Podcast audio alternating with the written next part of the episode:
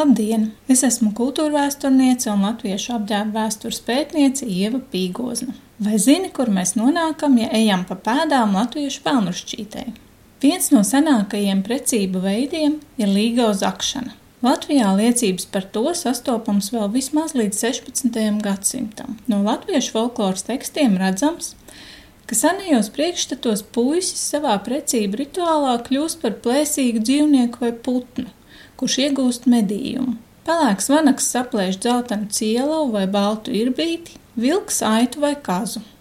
Līdz pat 20. gadsimtam līgavas zakšanas rituāla elementi tiek izspēlēti kāzu dienas norises tradīcijās. Precinieki ierodas līgavas mājās, it kā meklēdami no sev piederošā ganāmpulka noklīdušu aitiņu, vai kā mednieki, kas dzinuši pēdas caunai un pēdas viņus atvedušas līdz šai sētai.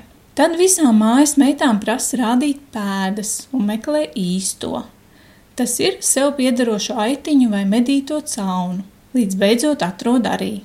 Kā jau nojaušam, tad šī īstā ir līgava. Šajās tradīcijās es saskatu latviešu variācijas par pelnušķītas tēmu, tikai iespējams daudz senatnīgākas. Savukārt apautu pēdu tēma turpinās arī citās, mazāk zināmās senās kāzu tradīcijās kad precinieks dāvina apaus izredzētajai vai viņas vecākiem, kā savu veidu kompensāciju par meitu. Tās, protams, nebija kristāla kurpītes, bet kāda šī apava varēja būt? Senākie zināmie un tajā pašā laikā ilgāk valkātie latviešu apavi ir vīzes un pastalas. Jau ārēšu ezerpilī, kas datēta ar 9. gadsimtu, atrasts lūku apaus bet senākās saglabājušās pastalas ir no 10. gadsimta. Pastalu piegriezums un darināšanas veids nav mainījies vesels tūkstots gadus. Zināms arī spalvainas pastalas, kurām ārpusē atstāta spalva, lai pastals neslīdētu, kā arī šūtie, ādas apavi, zābaki un kurpes, kas darināti no mīkstas ādas daļām. 17. gadsimtā cauri Latvijas teritorijai ceļoja vācu zinātnieks Ādams Oleārijs, kurš uzzīmēja Livonijā redzēto zemnieku kāzu gājienu. Viņa gravīrā redzam, ka atbilstoši sava laika modei, vīriešiem kājās ir garie muskatieru zābaki.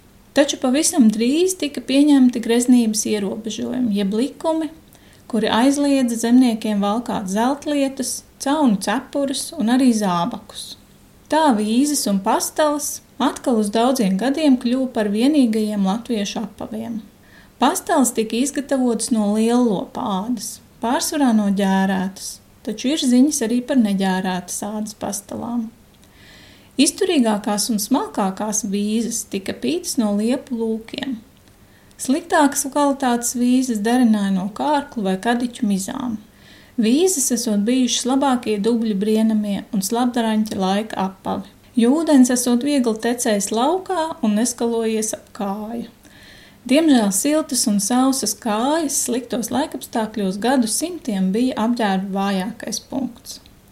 Sākot ar 18. gadsimta beigām, latviešu zemnieku garderobē pamazām ienāca melnie cietās ādas apavi, kurpes un zābaki.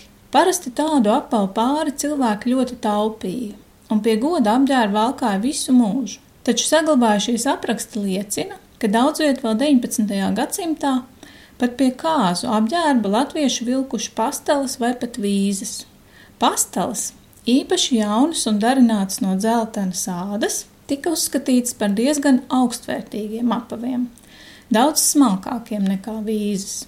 Tajā pašā laikā, piemēram, Madonas apriņķī pierakstītas liecības no četriem pagastiem, kuros bijusi tradīcija kāzās auties tieši liepu lūku vīzēs, kas uzskatīts par svētiem apaviem, pretstatā pastalām. Pamatojumu šim uzskatam mūsdienās grūti iedomāties, jo izrādās, pastalas varētu būt izgatavotas no sprāguša lopa ādas, un tāpēc jaunajai ģimenei turpmāk dzīvē varētu neveikties ar lopiem. Kaut arī līdz 19. gadsimta beigām pamazām par puišu un vīru lepnumu kļuva melni ādas zābaki. Dainu skapī no dažādām Latvijas vietām atrodami daudzi varianti dziesmai, kurā meita puisim apliecina, ka vīru neskata pēc zābakiem, bet ies par sievu pie tā, kas viņai patiks. Manis dēļ tu tautieti, zābakos neaunies.